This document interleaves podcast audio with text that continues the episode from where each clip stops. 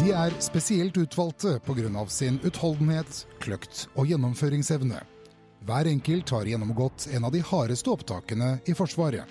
De er kjent og respektert blant våre allierte for sin enestående kampmoral og evne til å løse de tøffeste oppdragene. Gang på gang har de vist sin dyktighet i skarpe operasjoner. De er omgitt av mystikk, hemmelighold og myter. De er Forsvarets spesialstyrker. Et øyeblikk, en evighet, tar deg inn i en verden som til nå har vært skjult for publikum. I serien Lingeloftet vil vi få vite hvorfor Forsvarets spesialstyrker er blant de beste og mest etterspurte spesialsoldatene i verden.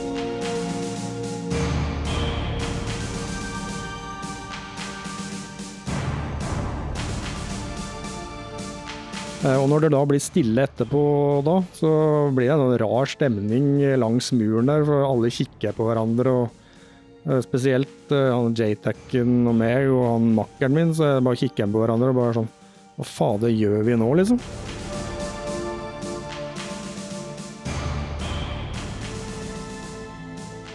Ja, velkommen hit til eh, Et øyeblikk i en evighet.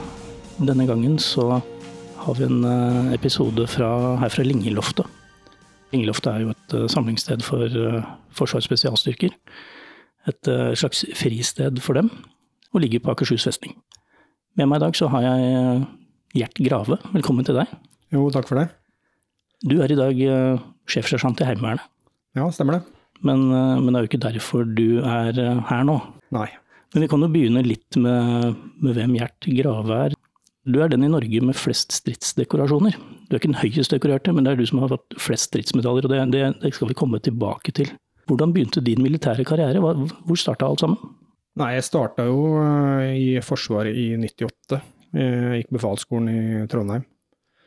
Så, eh, og jeg tenkte jo liksom at jeg skulle få noe mer ut av eh, førstegangstjenesten. Så det var jo derfor jeg søkte meg til befalsskolen. Jeg var veldig usikker på om jeg i det hele tatt kom inn i forhold til de skolekarakterer og det som var der, så jeg var litt sånn spent på om det gikk veien, men det gjorde jo det. Så jeg gikk jo der et år, og så dro jeg videre til Nord-Norge og til BN2 for pliktåret mitt eh, som sersjant. Og så kom jo muligheten til å eh, dra ut til Kosovo med BN2. Så da blei jeg med på den runden ut i K-fort 3. Og det var en veldig bra og lærerik eh, runde. Og så eh, kom jeg tilbake igjen derifra og var instruktør på befalsskolen i Trondheim et år. Og så var jeg med på oppstarten av Telemarksbataljonen på Rena. Så du var med helt fra starten på TMB-en? Ja, det var jeg. Så jeg jobba der et eh, snaut år før jeg bestemte meg for å gjøre noe annet og søke opptak på FSK over den veien. Ja, og det Alle vet jo hvor eh, trangt i nåløyet er å komme gjennom den, den seleksjonen. Ja, det krever litt forberedelse. Sånn, jeg bruker et år på å trene meg opp. Jeg hadde nok bestemt meg litt før det på og det å søke meg inn i spesialstyrken og FSK. For når jeg, når jeg gikk på befalsskolen, så han ene instruktøren, han øh, hadde vært fallskjermjeger, og han skulle da på opptaket til øh, FSK. Og øh, han møtte jeg igjen i Kosovo. Da jobba han i FSK, for da passa han på Sjaker når FSK var i øh, Kosovo. Så da møtte han i gaten der nede, og da bestemte han for at det er vel det der kanskje jeg vil drive med. Og du kom jo da tydeligvis inn. Jo da, det gikk, gikk veien, det. Og da var det vel eh, Det var jo ikke så lang tid etter du eh, fikk jobb i FSK at eh, du ble deployert i Afghanistan. Nei, jeg gikk eh, opptaket i 2003 og starta i tropp da i 2004. Så jeg bruka ett år, eh, snaut et år da, i eh, tropp i FSK før eh, første deployeringa gikk i 2005. Hvis vi ser eh, Når vi spiller inn her nå, så har jo Norge vært engasjert i Afghanistan i, i 20 år, så du har vært med på 15 av de. Ja, har det. Kan jeg spørre hvor mange runder har du hatt uti? Hvor mange deployeringer ble det? Jeg har eh, seks eh, lange kontingenter der nede. Og noen flere litt, litt mindre, kortere turer, men eh, seks, seks lange. Nå skal ikke vi snakke om hvilke operasjonsmetoder og hvordan dere opererer, men vi har fått lov til å snakke om enkelthendelser. Kan du fortelle litt, hvis vi tar en, en, en, en typisk operasjon? Jeg vet jo at du, en av disse stridsdekorasjonene du fikk, kom på bakgrunn av en sånn episode. Ja, En sånn typisk operasjon er jo liksom sånn Du kan se hele sånn, Det har vært en sånn utvikling helt siden 2005 og fram til siste deployeringa mi i 2013. På liksom progresjonen på å utvikle på hva en operasjon er for noe. For vi drev jo med noe helt annet i 2005 enn det vi gjorde når jeg dro hjem i 2013. Både det med å samarbeide med afghanske enheter der ute, og i forhold til det oppdraget FSK starta med i 2007, så er jo det veldig annerledes enn en det det var. Men sånn i 2008, når den hendelsen antageligvis du ser til nå, så var jo det en sånn typisk high risk arrest-operasjon. Der vi går inn og skal arrestere en Taliban-leder eller fasilitator eller noe i den duren. Vi går inn og skal arrestere han og overlevere han til afghanske myndigheter. For det var På den tida så drev vi med litt andre operasjoner, hadde litt andre ROE-er enn det vi har nå på slutten, der alt gjøres av det afghanske systemet. Så dere kommer inn, inn, i dette bygget som dere har mistanke om at vedkommende er. Du fortalte meg tidligere så hadde han planer om å angripe presidenten. Ja, det lå noen håndfaste planer på et uh, angrep inn mot uh, presidentpalasset og, uh, og, presidenten. Og vi hadde jo mye god bakgrunnsmateriale for å kunne gjøre operasjonen. Så vi planla jo den over lengre tid. Så alt sånn forberedelsesmessig og sånn, så var jo alt nøye planlagt, og den biten her, alt, alle brikkene var på plass. Så vi kjørte jo ut på natta og uh, gjorde den operasjonen. Kjørte stille inn, ingen uh, store hendelser på vei fram. Gjør det vi bruker å gjøre. Tar en vurdering på at vi kjører eksplosiv entring for å komme inn døra. For det, det er for stor dør til å kunne enten slå opp med verktøy eller noe annet. Så vi gjør jo det. Og da er jo nabolaget våkent etter det. Men huset er jo tomt. Så når vi kommer dit, så er det, det er ingen til stede i det bygget som vi antar at uh, denne fasilitatoren eller lederen er, da. Så det er jo tomt. Ok, så dere brøyter inn i et tomt hus, da, for å si det sånn? Vi gjorde det. Og da er det jo naturlig å, å dra sin vei igjen? Ja, vi bruker jo litt tid på på målområdet. Da. Det å søke gjennom og være helt sikre på at uh, målet er tomt, og at vi har gjort en nøye jobb og er helt sikre på at vi har uh, sjekka ut alle muligheter. Så uh, vi tar en vurdering på at uh, nå trekker vi ut og prøver igjen seinere en gang. Men så fikk jeg en litt sånn dårlig feeling på Og det begynte å bli lyst òg, så vi var liksom sånn, litt sånn hurry up for å komme oss ut av området og tilbake igjen til leiren. For vi ønsker jo Vi bruker jo våre fordeler, og vi opererer jo mest på natta, for det, det er da vi har våre fordeler.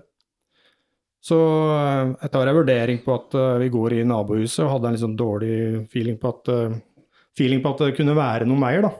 Så jeg får med meg en par andre karer til å gå inn i nabohuset og sikre, sikre oss innover og tar oss inn. Og det virker veldig tomt, det òg. Men uh, når vi kommer opp i andre etasje, så jeg liksom merker at det her er det ikke så lenge siden det har vært folk. Det er mye varmere i den etasjen, og liksom, du merker at her har det vært folk. da. Så kommer vi inn i et tomt rom. Det er helt tomt, uh, men vi begynner å søke, liksom, kjenner om det er hull i bakken under tepper, vegger, alle de tingene. Så kommer det liksom en liten lyd fra det ene hjørnet, og da ligger han eh, karen her under, gjemt seg inni en krok under senga. Bak noen kasser og litt sånne småting. Så um, da ble det jackpot på den operasjonen, og, som antageligvis kanskje fikk litt betydning for uh, ja, det som skjedde i Kabul, eller skulle skje i Kabul, da, i den nærmeste framtida. Så det var en uh, suksess, og her ble det ikke noe, det ble ikke noe skyting og bruduljer av det? Nei, det gikk veldig stille og rolig for seg. Det var tomt i første huset og lite folk i det andre. Men uh, det er jo mye folk, vi er jo en del folk på målet og den biten her, så det blir jo mye støy og bråk rundt når vi kommer uh, deisende inn. Men sånn uh, operasjonsmessig så gikk det veldig stille og rolig for seg. Så det var ikke noe uh, Ingen uh, truende hendelser eller noe som helst på den. Men resultatet ble jo veldig bra. Hvor mye forberedelser er det egentlig når dere starter en operasjon og dere skal løse f.eks. Et, et oppdrag av dette her, da, dere skal inn og arrestere noen? Det er vel ikke noe dere bare finner på et par dager i forveien, og så drar dere? Nei, når, altså det, jo, det som er viktig å si her, da, det er ikke, det er jo greit at vi som gjør jobben på bakken, er jo én ting i forhold til forberedelse og hele den biten her. Men det er jo et vanvittig maskineri når vi først setter i gang. Og vi gjør nå den jobben som vi er satt til å gjøre ute på bakken, men det er jo en stab og en støtte rundt hele det for at vi skal prestere best mulig. Så de gjør jo en helt fantastisk jobb til å tilrettelegge for oss at vi skal lykkes i de operasjonene som vi reiser ut av porten og løser. Så det må man jo bare ta av seg hatten for, for de legger ned mye timer og arbeid fra både støtteavdelinger og andre for at uh, vi skal gjøre det her på en best og mulig sikker måte, og at vi treffer hver gang vi drar ut.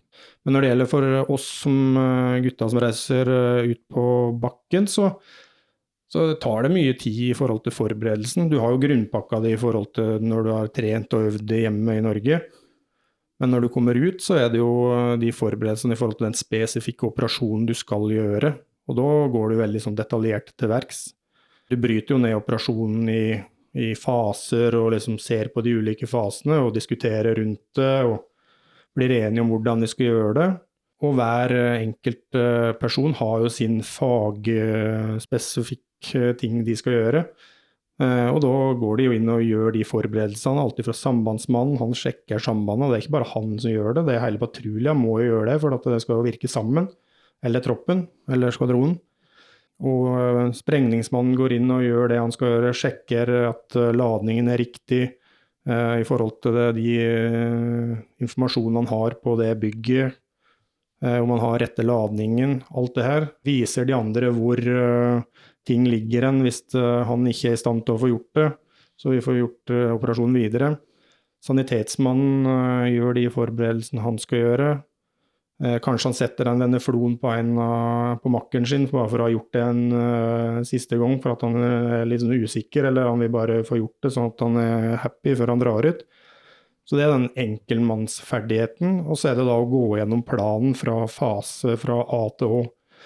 Eh, og i dette tilfellet, så det her var jo på ei tid vi gjorde operasjoner uten veldig mye afghansk involvering. Det var jo, på den tida så var det god, godkjent, før det kom restriksjoner, og at vi var mye mer integrert med det afghanske systemet. Så da går du gjennom operasjonen fase for fase, og liksom eh, noen spiller red team, og noen spiller uh, blue. Så liksom litt sånn krigsspill da, for å se hva, hva kan vi gjøre bedre, og hva kan vi gjøre bedre Eller hva gjorde vi dårlig i de ulike fasene? For å liksom se at vi er på rett, uh, rett da. Nei, det er veldig detaljert. Vi går til verks når vi skal gjøre det. Så alle veit hvor de skal hen til enhver tid, og hva de skal gjøre i de ulike fasene. Når du bygger deg opp foran en operasjon på den måten der, så, og det er jo ikke hver gang det blir noe av, da, da er du ganske høyt opp og høyt på, og så plutselig får du kanskje høre at nei, det her, dette er ikke bra. Ja, nei, det er ikke du, Når du er i det teatret til enhver tid, da, så er du jo inne i en litt sånn boble. Det går jo litt sånn i bølgedaler i forhold til operasjonstempo og hviletid og hele den biten der, men det er noe spesielt når du liksom bygger seg opp mot en operasjon. Øh, det er både det mentale og det psykiske rundt det. For du, du, gjør jo noen vurderinger og tenker deg litt om i forhold til hvordan du skal gjøre det, og hvordan, hvordan det her vil være. da. Og så i hvert fall når du har litt sånn lederansvar her, så er det jo en del vurderinger du skal gjøre rundt uh, de forskjellige temaene. Så det, det mentale og den uh, oppbygginga mot operasjonen, det sånn, kan være slitsom over tid. da. Når du liksom du, Det er rett før du Eh, nå denne operasjonen her kommer til å gå inn. Nei, altså jeg kan ikke inn allikevel. Så er det liksom å la den ligge, og så må du gjøre noe annet i mellomtida. Så det er jo litt sånn Ja, over tid så kan det være slitsomt å gå litt sånn opp og ned i den der uh, banen der, da. Har du noen eksempler på det, hvor, hvor, som endte i en operasjon? Ja, jeg, jeg, har jo mange operasjoner jeg kan uh, vise til i forhold til det at det ikke blir noe av, og at det bygges opp. Men det er jo spesielt, spesielt én uh, operasjon som jeg husker veldig godt, og som sitter veldig sånn godt på minnet på det med oppbygging og hvordan det ble gjennomført. Det er en operasjon som vi gjorde ja, det er vel en en og en halv time flying nordvest for Kabul. Det her var i 2012. Da var det, det, er veldig viktig for meg å poengtere. Da var, jo, da var vi veldig integrert i forhold til den mentorbiten med trippel 2, altså Crisis Response Uniten, CRU-en, som vi hadde mentorert egentlig fra 2007. Da hadde vi virkelig kommet langt med de. De begynte å bli flinke og dreiv egentlig operasjonene sine mye sjøl. Dette er afghanske styrker? Af afghansk spesialpoliti. Så det er de som vi har mentorert. Og var, da, da, begynte de å bli, temmelig flinke og var sjøldrevne på operasjonen, og vi var mer til stede og til støtte eh, under operasjonene. Men eh, og vi, hvis det var sånn at operasjonen gikk ut av kontroll, så dro vi litt hardere i stikka for eh, å støtte til det vi kunne. Men det her er en operasjon som vi hadde hjulpet dem med å planlegge over veldig lang tid. Vi hadde sikkert bruka en tre til fire uker eh, og driver med planlegging og oppbygging opp mot uh, den operasjonen. Og uh, planen var å kjøre inn sammen med CRU-en. Det var det som var planen. Så var det mange brikker som måtte på plass for at operasjonen skulle gå inn. Og da, de forberedelsene med CRU-en, de er jo vel nesten litt sånn tyngre å gjøre enn at du gjør det bare aleine med tropp eller i den forbandet du er veldig kjent. For at da må ting gå gjennom en tolk, det må gå på et annet språk. Eh, har du fått med alle detaljene? Eh, det er liksom sånn er vi, er vi, enige om hvordan vi skal gjøre det her nå, sånn at eh, det her går rette veien? Så det er veldig annerledes forberedelse enn det å bare gjøre det med bare nordmenn. Forberedelsesbiten er litt sånn annerledes. Men når det gjelder den operasjonen, da, så var jo planen alt var stacka opp, og vi skulle kjøre inn.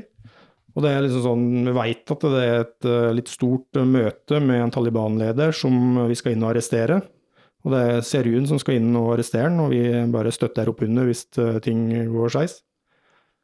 Og da kjører vi inn, og vi står vel sånn ca. tre, ja, si fire-fem kilometer før den landsbyen vi skal inn i. Alt er klappet og klart. Men vi mangler bare den siste brikken for at uh, vi setter bilen i første gir og kjører inn mot uh, landsbyen. Og den brikken kommer aldri på plass. Men den er veldig sånn nærme hele veien, så du er liksom veldig klar og tenker de konsekvensene det vil ha. Vi skal kjøre inn et veldig sånn kanaliserende lende, og det Hele operasjonen er kompleks. Men uh, den blir da kansellert på natta, og vi kjører tilbake igjen til uh, leiren. da. Kjørte jo da liksom en debrief og en hot worship på sammen med de afghanske styrkene på hva som hadde skjedd, og hvorfor det ikke ble noen operasjon. og ja, blei enige om å la den operasjonen bare ligge, for nå hadde jo den muligheten gått ifra oss egentlig til å slå til og arrestere han eh, Taliban-lederen. Som hadde drevet egentlig mye angrep inn mot amerikanske styrker på Bagram.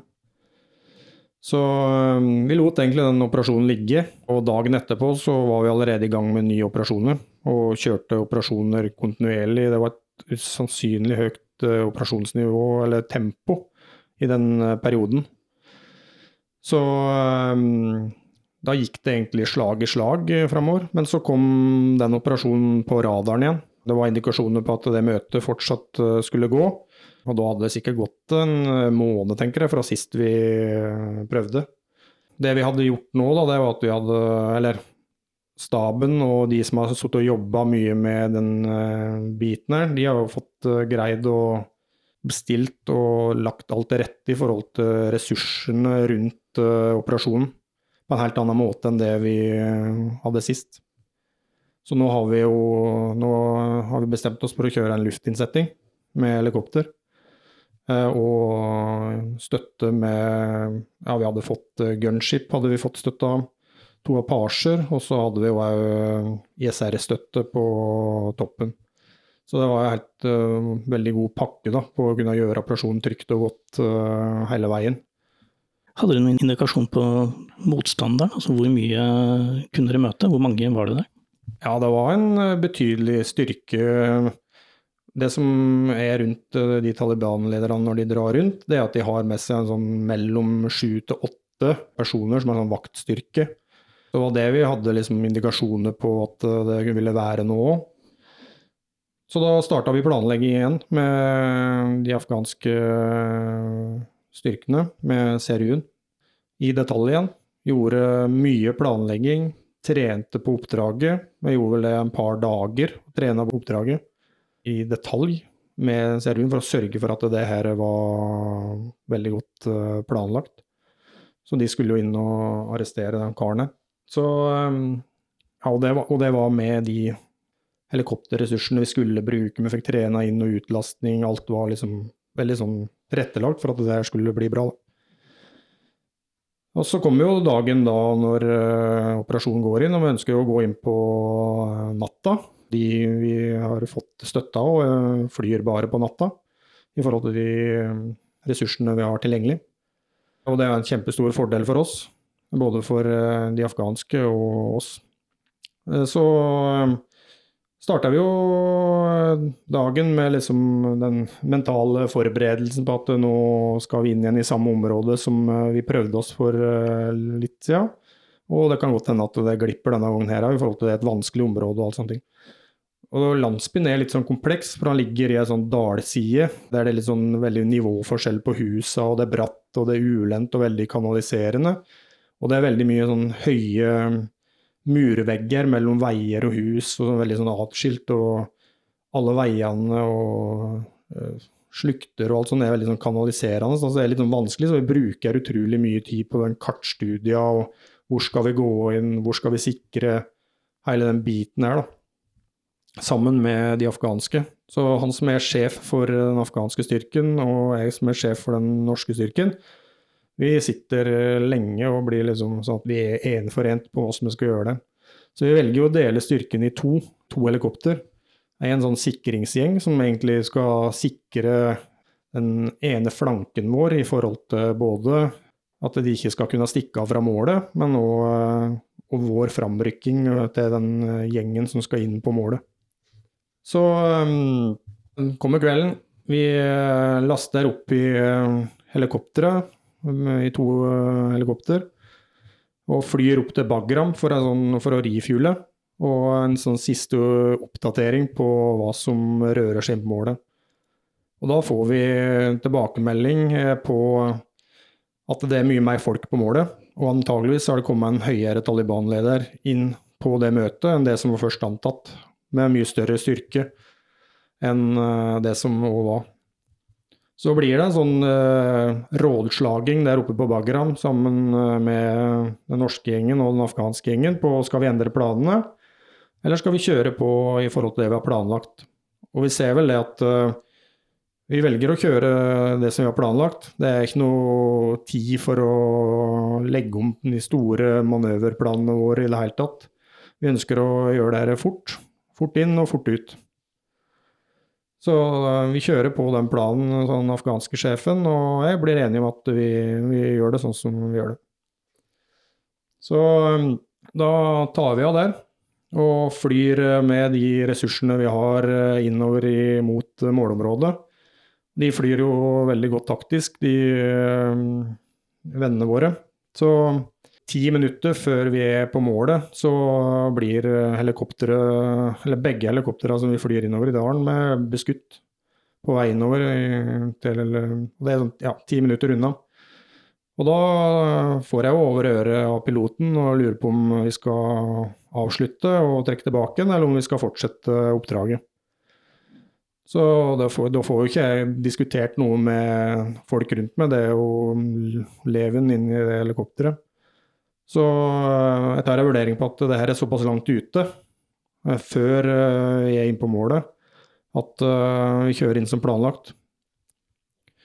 Men ja, om det var riktig eller galt, det får nå vise seg, da. Men det var i hvert fall leven når vi kommer inn på landingssona. For da har allerede Parsen starta å engasjere en, eh, en tolvskysstilling som er over der vi har tenkt å, tenkt å lande. Så idet lemmen går ned på begge helikoptra, så er det, er det, ser du bare at uh, det går en rød stråle fra begge Apache-helikoptrene for å engasjere og sikre den innsetninga vår. Og da har han, han som er i ryggen min, han som er FAC og JTAC, nok å gjøre resten av den dagen der. For da blir det busy framover. For da vi prøver, kjører fortsatt på planen med å splitte opp uh, styrken. Én på østsida, én på vestsida, og for å avskjære uh, fienden. Men vi møter såpass massiv motstand uh, framover. Vi har veldig god framgang på den ene sida av landsbyen, der vi egentlig skal fort inn og fort ut, og så de andre skal sikre. Men på et eller annet tidspunkt så møter vi temmelig massiv motstand på begge flanker, og det blir såpass uoversiktlig at uh, han afghanske sjefen velger å samle troppene våre og trekke tilbake igjen de eh, som skulle på den ene flanken, inn i ryggen vår, sånn at er samla som en enhet. For det, mens vi gjør det her, så eh, driver jo han JTAC-en og engasjerer med gunshipen for at vi skal ha framgang i operasjonen. Så um, det blir uh, en travel, travel, kveld, og det, det, det slutter liksom ikke heller. For det, på et eller annet tidspunkt så mister vi momentet i, eh, i, den operasjonen. Så vi trekker oss litt tilbake igjen for å legge en ny plan for å kunne gå inn. Vi ser jo at det er mye, mye folk i forhold til det vi hadde og Eller det som vi først antok. Og så fikk vi den siste meldinga fra når vi fjula, at det var mye folk. Og det var det, og de var godt forberedt òg. Så vi engasjerer jo fullt med alt av det vi har av uh, egne våpen, og med det vi har i lufta. De må refuele med ammunisjon, både helikopter og den gunshipen én gang, for å tanke. Både fuel og ammunisjon for å holde det gående. Men vi får lagt en ny plan, og uh, det som er gangen i den operasjonen her nå, det er at det, det er jo Avstanden til fienden er jo veldig kort. Det er ikke sånn at han er på en kilometer eller to. Han er sånn 30-40 meter foran oss hele veien og i den framrykkinga. Så det blir veldig sånn intenst, spesielt for de som er fremst til enhver tid. Eh, men det stopper jo opp for de jo på et eller annet tidspunkt. Så da Vi engasjerer jo helt på grensa av det vi kan tåle i forhold til eh, avstander. Så vi må jo eh, For at jeg skal få lov å engasjere, og han JTAC-en som gjør en fantastisk jobb, med både å ha kontroll på egne og de flyressursene vi har, så må, må, jeg bruke initialene mine for å godkjenne at uh, avstanden er grei nok, og at vi går god for det. Sånn at de er trygge på at uh, de kan få lov å engasjere fra flyet. Og Det betyr rett og slett at uh, de gir ild så nærme dere at dere kommer inn i ly av, av den ilden? Ja, da, er det, da engasjerer de, men de har vel en 40, de har 40 mm på den gunskipen, da. Og det er det de engasjerer med da, en 30-40 meter foran oss hele veien framover. Og det, du merker det. Og når det da blir stille etterpå da, så blir det en rar stemning langs muren der, for alle kikker på hverandre. og Spesielt han JTAC-en og meg og han makkeren min, så jeg bare kikker på hverandre og bare sånn Hva fader gjør vi nå, liksom? Nå, det er liksom sånn, du blir sånn Vi har, vi har mista momentet i operasjonen. Vi må trekke tilbake og legge en ny plan, og det gjør vi da, sammen med det afghanske gjengen. Men de, det er jo nå vi må dra til skruene litt da, og hjelpe og støtte de på en god måte, sånn at vi kommer i mål med både folk og, og operasjonen. Og da må du personlig da, lenger fram og kan ikke lede som du har gjort tidligere? Nei, jeg kan, eller, Mye går jo på samband, men jeg må jo lenger fram hele veien for å liksom kunne kontrollere operasjonen og vite hva som skjer. Så, men vi legger en ny plan, men kanskje med litt uh, tyngre føringer fra norsk side enn afghansk side, for å få det her til å gå rette veien. Da. Men det er ingen tvil om at uh, afghanerne er involvert og er med på operasjonen hele veien, helt inn. Så etter en fire-fem timer, tenker jeg, så begynner vi liksom å få litt sånn framgang på operasjonen igjen. Og fienden har nok trukket litt tilbake igjen, for vi fikk jo ikke den sikringsstyrken ut på sida som vi egentlig ønska for å avskjære. Så da begynner vi liksom også å få framgang igjen, da. Og det er jo temmelig, de er temmelig sterke i huet, de gutta jeg har i front òg, som tør å ta med seg de afghanske eh, guttene og jentene faktisk fram da, og liksom bestemme seg for at nå, nå kjører vi. Det er temmelig ja. De, de sterke i huet, de som gjør det der. Var du sånn personlig engasjert noen gang, sånn under den operasjonen? Ja, så når du er leder og du har vært oppe i så mange operasjoner, både som enkeltmann som jeg har vært, og som leder, så, så kommer du i situasjoner der du må både vurdere og handle. Både, både med de virkemidlene du har i lufta, og med egen våpen. Så det står, jo, det står jo om liv og død, både ditt eget liv og andres liv, så du er liksom nødt til å ta den vurderinga der og da. Men jeg er veldig glad for at jeg har den bakgrunnen vi har fra grunnutdanninga på FSK da, i forhold til skal, skal ikke-biten av det, for det sitter jo i ryggmargen. Så jeg føler meg veldig trygg på at jeg har gjort de riktige beslutningene når det kommer til akkurat den biten her. Men dere kom jo gjennom dette her, det, operasjonen ble gjennomført? Ja.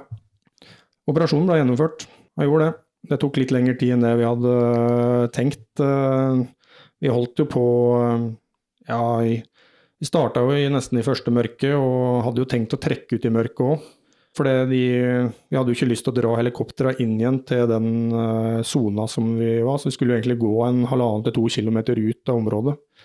Men det rakk vi aldri, så vi måtte kalle inn helikoptera til det samme området som vi hadde holdt på hele natta. Og det er det ikke alle, alle crew som gjør. Så jeg er glad for at det var de som fløy, som fløy. For ellers så hadde vi vel sikkert uh, fått oss en lang dagsmarsj i lyset ut av den dalen der. Det kunne ha blitt uh, helt annerledes utfall. Så fort inn, fort ut ble ni timer med strid. Ja, gjorde det. Når du sier at uh, ja, du må ta noen valg, og engasjere, ikke engasjere, skal, skal ikke, det betyr jo ofte at du skal. Du, som uh, det står så fint, du tar jo ut fienden. I sivilspråk så betyr jo det at du ofte dreper dem. Hva tenker du rundt akkurat den delen av, uh, av jobben? Nei, altså det, det, er jo bestandig et vanskelig tema når du får det spørsmålet, da. For det er veldig vanskelig å liksom ta komme med et godt svar på det. Men for meg så er det der et veldig sånn profesjonelt forhold til akkurat den biten der. For det er en eh, jobb du er satt til å gjøre. Og da når du havner i en situasjon der du, det står på liv og død, så som jeg sa tidligere, så er jeg temmelig trygg på at uh, du gjør det rette. Men du gjør deg jo noen refleksjoner etterpå uh, når du har vært oppe i enkelte av disse situasjonene. Både med det å engasjere med luftstøtte, eller om du må engasjere uh, fra det våpenet du bærer sjøl. I forhold til at du, uh, du, sitter med ekstrem makt, og du utsetter jo andre for både tragedier i familie og andre ting. Så det er jo jeg tenker nok ikke så mye over det der og da, men det er når du kommer inn og får diskutert litt og prata litt med teamet ditt og gjengen, så er det jo gjør det jo noen tanker rundt det. Men jeg har et veldig profesjonelt forhold til akkurat den biten der. Har du fått noen sånne reaksjoner så i lang tid etterpå? Nei, jeg har ikke det, altså. Jeg har jo jeg har måttet spurt noen av de folk har jobba sammen med og som har vært tettest på med, liksom, sånn om de har fått liksom, reaksjoner eller tenkt noe veldig mye over det, eller Så er det sånn De har jo ikke det, de heller, men jeg tror det er den grundigheten du har i bunn og grunn som gjør at du er mentalt sterk nok til å kunne takle de eh, episodene her, da. Det går jo andre veien nå, og avdelingen din fikk jo et tap. Da var jo ikke du der. Nei, jeg var ikke det. Jeg var, jeg var, på Du refererer jo til Tor Arne Lau Henriksen. Han var jo i troppen min. Jeg var patruljefører i den andre patrulja som han eh, var i. Så eh, jeg var hjemme akkurat eh, når det her skjedde. Jeg skulle få min første, første barn. Så jeg var ikke med ut i starten. Så jeg fikk en telefon rett etter at dattera mi var født, at det hadde gått galt i Afghanistan. Og så Pga. at vi var på ugradert nett og sånn, så ville jo ikke FSK ville ikke si noe mer enn det, så jeg sto jo bare i uvissheta der med ei lita jente i den ene hånda og, og, telefonen i den andre, og lurte på hva som skjedde. Men jeg klarte ikke å slå meg til ro med at det, bare kom en telefon fra Rena på at det hadde gått galt i Afghanistan, så jeg ringte opp igjen. Jeg fikk jo etter hvert eh, greie på at uh, det hadde gått galt med Tor Arne, som var i nabopatrulja. Så da ringte jo Torgeir uh, rett etterpå, for da var han nå hjemme akkurat i den perioden, at vi må dra nedover. Og da var det jo en annen kollega av meg òg som var hjemme i samme ærend som meg, som skulle ha, ha barn. Så da var jo dattera mi ti dager gammel når jeg dro ned til Afghanistan for å komme tilbake igjen til troppen min. Men jeg var veldig trygg på at de, de hadde jo hverandre der nede. Jeg tror kanskje nesten syntes det var rarere å være aleine hjemme med, og ikke få være en del av det miljøet der nede. For det de, de, har hverandre og kan snakke sammen, mens uh, når du sitter sånn på ut, utsida, så er det nesten det litt vanskeligere, for du er ikke delaktig i verken informasjon eller, eller, det å kunne være en del av gjengen. Uh, så det ja, det var veldig spesielt. Akkurat blitt pappa og resten etter Afghanistan. Visste at eh, jeg hadde, jeg hadde mista en kollega og en uh, god kompis. Så det var, nei, det var en rar følelse når jeg satt meg på flyet og dro ned til Kabul og møtte, møtte gjengen der. Jeg fikk heldigvis lov til å, å bli med og bære kista om bord på flyet når jeg kom ned. Men hvordan var det å dra fra familien, da, som du akkurat hadde håpet forøkt? Nei, det var helt absurd, altså. Så all ære til kona mi i forhold til åssen hun takla det. Hun var jo Det var jo første barnet vårt, hun var jo helt rådvill, hun òg, ikke sant. Så det var jo på hvordan vi skulle få det her til å eh, gå i hop. Men uh, veldig forståelsesfull, og hun har gjort en helt fantastisk jobb. Og gjør fortsatt det i forhold til barna våre. og at jeg har fått lov til å gjort det jeg har gjort. Nå har du bytta litt karriere. Du har gått over i Heimevernet. Har du tatt med deg noe av spesialstyrken i den jobben du har nå? Ja, jeg har jo det. Eh, og det er mye som er gjenkjennbart ifra det jeg ser i spesialstyrken og Heimevernet. Og så er det jo litt tufta på det samme, da, helt ifra bunn og grunn av, på en måte. Så jeg ser jo veldig, veldig godt det jeg var ikke klar over det før jeg begynte jobben, men uh, det som vi kaller jegerånden i uh, spesialstyrkene, den enkeltes evne og innbitte vilje til å liksom løse opp, oppdraget uansett uh, forutsetning, det kan du sammenligne veldig godt med den forsvarsviljen som er i Heimevernet. Og det er veldig betryggende og artig å se, det sammenligningsgrunnlaget der. Og jeg tar jo med meg spesielt det som går på beredskap på den biten der som er veldig sånn eh, ligger veldig naturlig for meg, og har liksom vært en del av eh, meg hele perioden i FSK. da, Inn i det beredskapsarbeidet som eh, gjør. For det er, en, det er jo 40 000 mann som er på beredskap, og, og damer. Jeg tenker det siste året som vi har gått gjennom nå, nå, når vi spiller inn dette, så er vi jo på forhåpentligvis tampen av pandemien. Vi har i hvert fall hatt en gående et år. I det året så har Heimevernet vært veldig aktivt og til stede, både med pandemien og vakt der, og også med raskatastrofen på Gjerdrum. Har du vært forberedt på akkurat det? Ja, eller jeg er, jo, er forberedt på å stille opp i forhold til at en er på beredskap, og at en må være klar for det, og hva det innebefatter å være på beredskap og hele den biten her. Men eh, det som har overraska meg mest, eller det som jeg kjenner på, det er jo den uh, positiviteten og på hvordan Heimevernet stiller opp i de ulike uh, Eh, krisene eller utfordringene Norge står overfor, da, på en veldig profesjonell og god måte. Og det har vært, eh, det har vært veldig moro å følge den utviklinga som har vært nå siden pandemien brøt ut. Det er helt utrolig engasjement og eh, vilje til å stille opp. Og det kommer helt tydelig fram òg, eh, både på Gjerdrum og på de grenseoppdragene vi har hatt uh, gående. Så det, nei, det er veldig stolt av å være en del av det nå, i hvert fall. Men uh, spesialstyrkene vil jo alltid være en del av meg, selvfølgelig, sjøl om jeg sitter i, som sjefsersjant i Heimevernet. Og så er det viktig nå i det året vi går inn i, liksom, for det, nå er jo Heimevernet blir jo 75 år i, i år. 6.12. Så vi skal jo prøve å feire oss sjøl òg oppi alt det vi står i. Så jeg håper jo at uh, folk der ute og, uh, ser Heimevernet litt sånn rundt forbi. At det blir markeringer og ja. Så 6.12. så skal vi i hvert fall feire oss sjøl. Og så blir det en sånn ny runde med uniform på jobben-dagen, der vi ønsker å markere hvem som er i Heimevernet. Det er viktig, for det er du og meg og kjærester og koner og alt, ikke sant. Det, det er alle slags kategorier som jobber i Heimevernet, og det er veldig, veldig artig å, å se og gjøre den markeringa. Vi var innledningsvis inne på at uh, du er den med flest stridssekreasjoner. Vil du tenke på deg selv som en veteran i den sammenhengen der? Altså, du har jo mottatt all denne anerkjennelsen. Du sa tidlig at uh, det var viktig for deg å si at uh, det var ikke bare du som har fått disse medaljene, det er for flere. Likevel så er du bærer av de, og når du ser på de, tenker du at oi, jeg har gjort veldig mye her, jeg, er en veteran. Tenker du noen gang på det? Nei, I forhold til å eh, bære de medaljene jeg har fått, da, så gjør jeg jo det med, jo det med stolthet. Og jeg veit jo mange som har vært involvert i de operasjonene, ikke bare, ikke bare spesialjegere.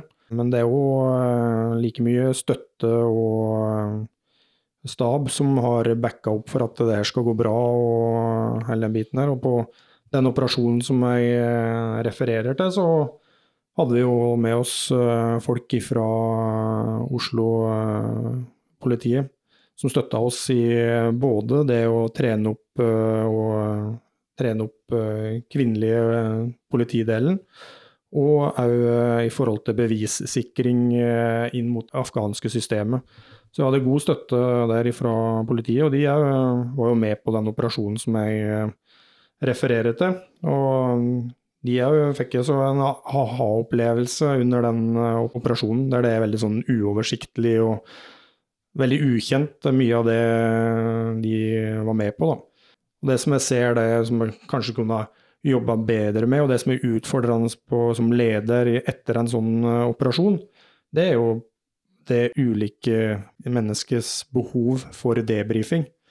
For der er vi veldig ulike. Noen har veldig behov for å prate om ting, andre har bare lyst til å gå og legge seg. Andre kunne ikke ha brydd seg mindre, på en måte. Så det er liksom å treffe det som jeg kanskje har sett og har lært mest av i den, den perioden der, det er å se menneskene og hvilke behov de har til eh, å snakke om ting og forklare ting i etterkant. Og gå mer i detalj på det. For jeg ser jo jeg er jo en sånn person sjøl som uh, egentlig bare har lyst til å komme videre. Og når du er en sånn person, så må du jobbe litt med deg sjøl for å se de andre òg. Så det har vært en læringsprosess for meg, eh, for eh, min del, i forhold til det å ta vare på folka mine og de rundt meg. For å få de til å føle seg ved og vel etter en operasjon, og liksom se behovet til alle. Dette er en av mange unike historier om selvoppofrelse og mot fra våre soldater. Her lar vi soldatene selv fortelle om de intense øyeblikkene, akkurat slik de opplevde det. Historier som rett og slett er blitt et øyeblikk, en evighet.